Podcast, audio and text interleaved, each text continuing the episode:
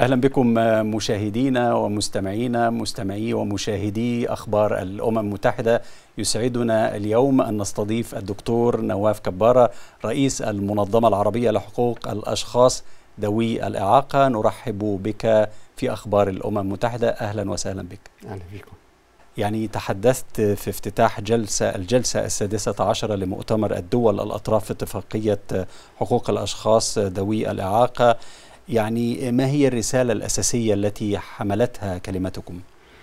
آه شكرا كثير على هذه الاستضافة طبعا نحن أنا كرئيس المنظمة العربية للأشخاص ذوي الإعاقة وفي نفس الوقت ممثل آه التحالف الدولي للإعاقة والمجتمع المدني كلمة المجتمع المدني التركيز الرئيسي طبعا كان آه بعد مرور أكثر من آه 15 سنة على ال CRPD الاتفاقية الدولية لحقوق الأشخاص ذوي الإعاقة أين نحن الآن من تنفيذ هذه الاتفاقية؟ وأين نحن الآن من التزام الدول بتنفيذ هذه الاتفاقية؟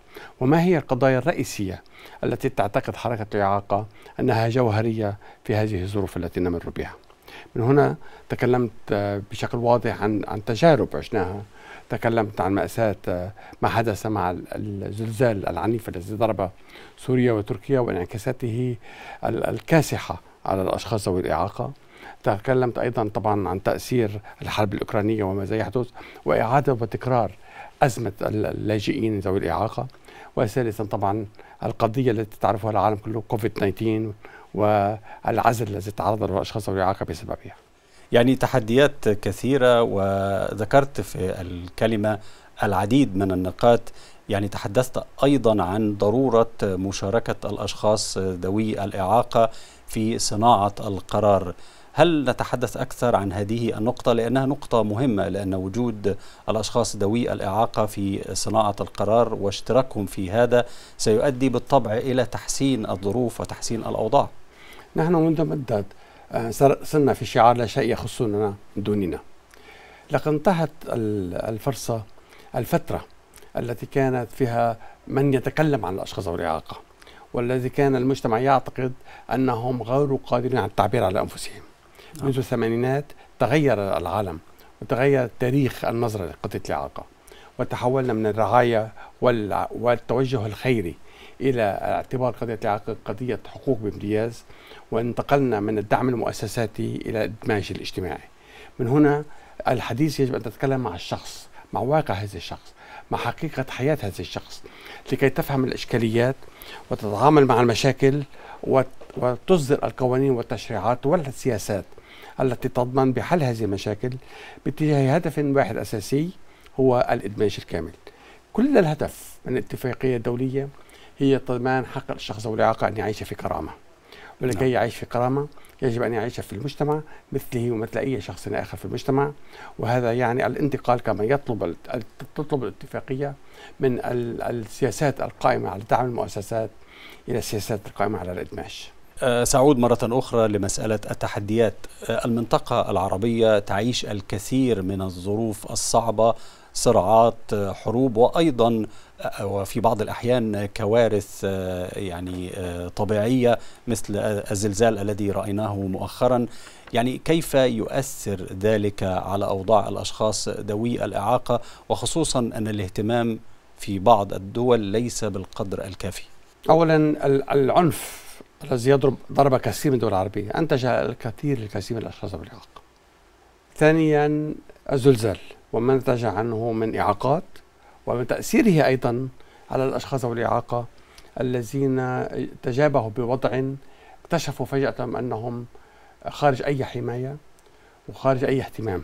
لقد كانت المساعدات تأتي لتغطي حاجات الناس بشكل عام مثلا الحاجة إلى خيمة إلى غطاء إلى طعام ولكن الشخص ذوي الإعاقة هذا هناك أشياء قد تكون أكثر أهمية وهي الكرسي مثلا كي يستطيع أن يتحرك. صحيح. العكازة مثلا القضايا المتعلقة بحياته اليومية. نعم. آه وخلق تحدي كبير أمامهم كما خلق تحدي كبير للإغاثة. كيف تتعامل مع شخص أصم موجود في مبنى مضروب؟ كيف تتواصل معه؟ كيف تصل له؟ وكيف يصل لك؟ إذا كان هناك كثير من التحديات. لهذا السبب نحن نشاهد اليوم الكثير من الاهتمام العربي بقضية الإعاقة. هناك القمة العربية القمة العالمية للإعاقة سنة 2025 والتي تنظمها ألمانيا بالشراكة مع الأردن. وهناك قطر التي أعلنت التزامها بتنظيم القمة الرابعة في 2028 آه ونحن وقد أقرت القمة العربية في في جدة العقد العربي الثاني للإعاقة. هناك حركة ولكن نعم. هناك أيضا إمكانيات وهناك محدودية الإمكانيات. فهنا دورنا نحن كأشخاص ذوي إعاقة في الدفع لتحديد الميزانيات اللازمة لإنهاء هذا الوضع الشاذ الذي نعيش فيه. نعم. وعلى ذكر موضوع الإمكانات يعني آه، الكثير من الدول تعاني من ضعف في الإمكانات وضعف في الموارد وخصوصا في السنوات الأخيرة. يعني كيف أثر هذا على التقدم أو بعض التقدم الذي تحقق في مجال صيانة حقوق الأشخاص ذوي الإعاقة؟ القضية أيضا قضية توزيع الإمكانيات. يعني هناك توزيع ما يمكن الدولة أن تقدمه. فبالتالي نعم. لا يمكن أن نقبل بأن قلة الإمكانيات تفرض أننا لا نستطيع أن نساعد الأشخاص ذوي الإعاقة. اللي هي مصر وهي مصر تعاني من مشاكل اقتصادية ولكن أطلقت برنامج كرامة وبرنامج تكافل وهم برنامجين في الحماية الاجتماعية المتقدمة للأشخاص ذوي الإعاقة. آه فبالتالي آه لا أعتقد أن هذه حجة كافية. لنقول أننا لا نقوم بالواجب. ولكن إلى جانب ذلك هناك مساعدات دولية هناك أمم متحدة وبرامج أمم متحدة كلها تساهم في أن ندفع باتجاه سياسات آه، قائمة على توجيه الخدمات مباشرة للشخص ذوي الإعاقة.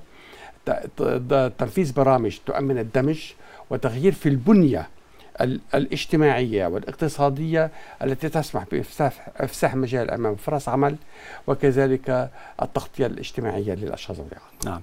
وهذا ينقلني إلى نقطة مهمة وهي التوعية في مجتمعاتنا. يعني نعلم أن هناك بعض القصور في المجتمعات في التوعية بشأن كيفية التعامل مع الأشخاص ذوي الإعاقة. فأولا ما هو دور المجتمع المدني؟ ودور منظمة كالمنظمة التي ترأسونها في زيادة الوعي بين الشعوب بأهمية صيانة حقوق الأشخاص ذوي الإعاقة. لنتكلم الأمور كما هي الآن. ما نعيشه اليوم أفضل بكثير مما كان عليه الوضع منذ عشرات السنوات. من قبل بالخمسينات فقط مثلا كان المجتمع ينظر لقضية الإعاقة وكأنها قضية طبية بامتياز. يجب أن تخضع لحكم الجسم الطبي وأن إخراج الشخص ذوي الإعاقة من العائلة ووضعه في المؤسسات هو السياسات الكامنة. ثم انتقلنا إلى مرحلة ونتيجة نضالنا نحن.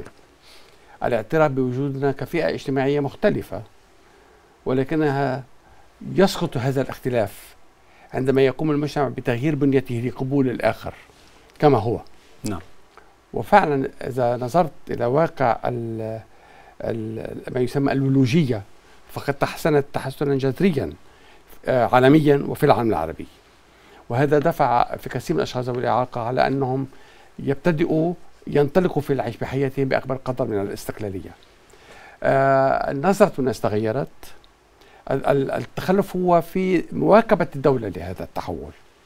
ولكن يبقى هناك الكثير من العوائق التي تعود إلى التراث وتعود إلى الجهل وعدم معرفة كيف مجابهة الأمور.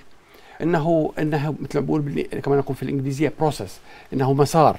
آه وأنا متأكد أن الجيل الذي سيأتي بعدي أنا فخور سأقدم له عالم أفضل مما نحن كنت فيه عندما أنا أصبت بالإعاقة.